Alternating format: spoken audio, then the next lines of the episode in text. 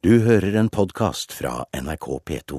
Snorres kongesagaer ble skrevet mellom 1220 og 1230, og den første oversettelsen til norsk kom i 1599. Deretter fulgte flere varianter og oversettelser i de neste 250 årene til Jacob Aals populære utgave i 1838 og P.A. Munch i 1859. Og i 1934 kom den utgaven som mange nordmenn har i bokhyllen sin i dag. Men nå kommer det enda en igjen, ført i pennen av Kjell Arild Pollestad. Velkommen til Kulturnytt, Pollestad. Tusen takk. Du glemte den uh, viktigste utgaven, nemlig Gustav Storm.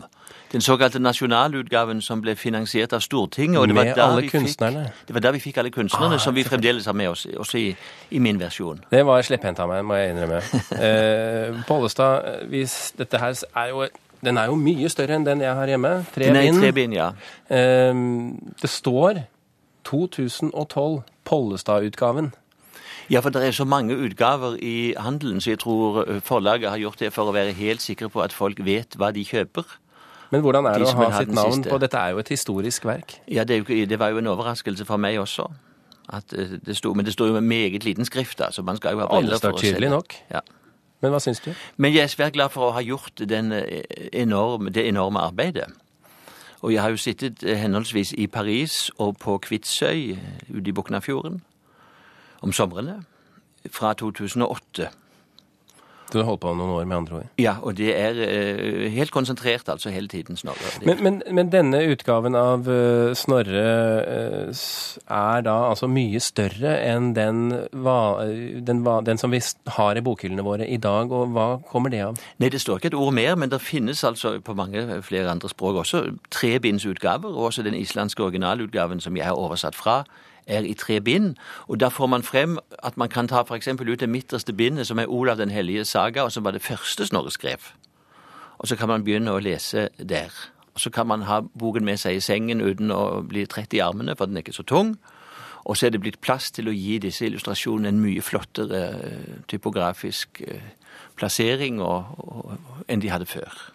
Men det, det kommer til å komme i fremtiden også en ettbindsutgave av den. og Det står ikke et ord mer i den enn i de gamle ettbindsutgavene. Hva har, den hva har vært den største utfordringen med å oversette Snorre?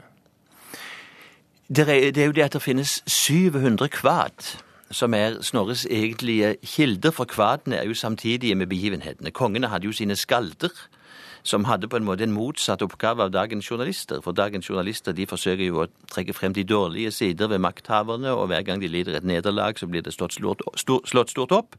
Mens skaldene hadde den motsatte oppgaven, nemlig å forherlige fyrsten. Men, men eh, kan man da stole på disse kvadene? Ja, det sier Snorre, fordi at disse kvadene ble sagt frem mens ikke bare kongen, men masse mennesker hørte på. Og som Snorre sier, å rose en mann for noe han ikke har gjort, ville være, ville være spott og ikke ros. Det er fascinerende å se hvor, um, hvor bevisst Snorre er på kildehenvisning, altså kildene sine. Og hvordan han vekter de mot hverandre. Er det, er det noe som har overrasket deg òg? Ja, og ikke minst når det gjelder Olav den hellige, hvor det jo var en, en urskog av kilder om denne mirakelmannen og helgen. Og der har Snorre skåret inn til benet for å finne først og fremst mannen Olav Haraldsson, Olav Digre, og skildre den kompliserte personen han var. Og så har han da helt på slutten For Olav den hellige han var jo en viking, og han var jo like brutal som alle de andre. Men han ble helgen ved sin død og gjennom sitt nederlag. Det var det som ble vendt til seier. Og det er en meget interessant observasjon av Vera Henriksen, som hadde samlet alle kilder om Olav den hellige og utgitt eh, de viktigste. Og så sier hun til slutt, hva skal man si om Olavs hellighet? Jo, bare dette at hans beste venn, Sigvart Skall, trodde på den, og hans verste uvenn, han som drepte ham, Tore Hund, trodde også på den. Så det er noe meget mysteriøst med denne Olavskikkelsen, og Snorre eh, syns jeg får dette frem på en helt enestående måte. Han er jo ikke bare en historiker, eh, fremragende historiker ut fra sin tid, men han er jo en av våre aller største forfattere. Så dette er jo et, et hovedverk i nordisk litteratur som litterært verk. Men, men det er en annen interessant ting også, Pollestad. fordi at han tolket jo historier som du forteller, som han selv hadde hørt og selv hadde lest. Eh, vi vet jo at hans endelikt eh, som maktpolitiker var en eh, katastrofe for ham. Han ble jo, han ble jo drept. Han jo, hadde jo suksess en stund, men, men det gikk, gikk ham ikke bra.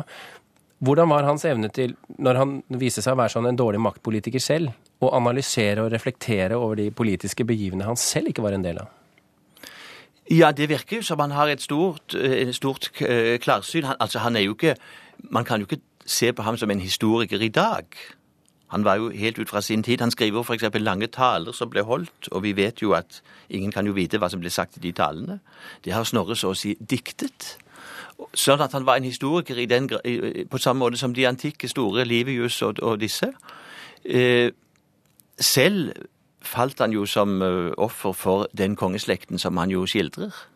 Det var jo på kong Håkon Håkonssons eh, anbefaling at han ble myrdet i 1241 hjemme på sin store gård på Island.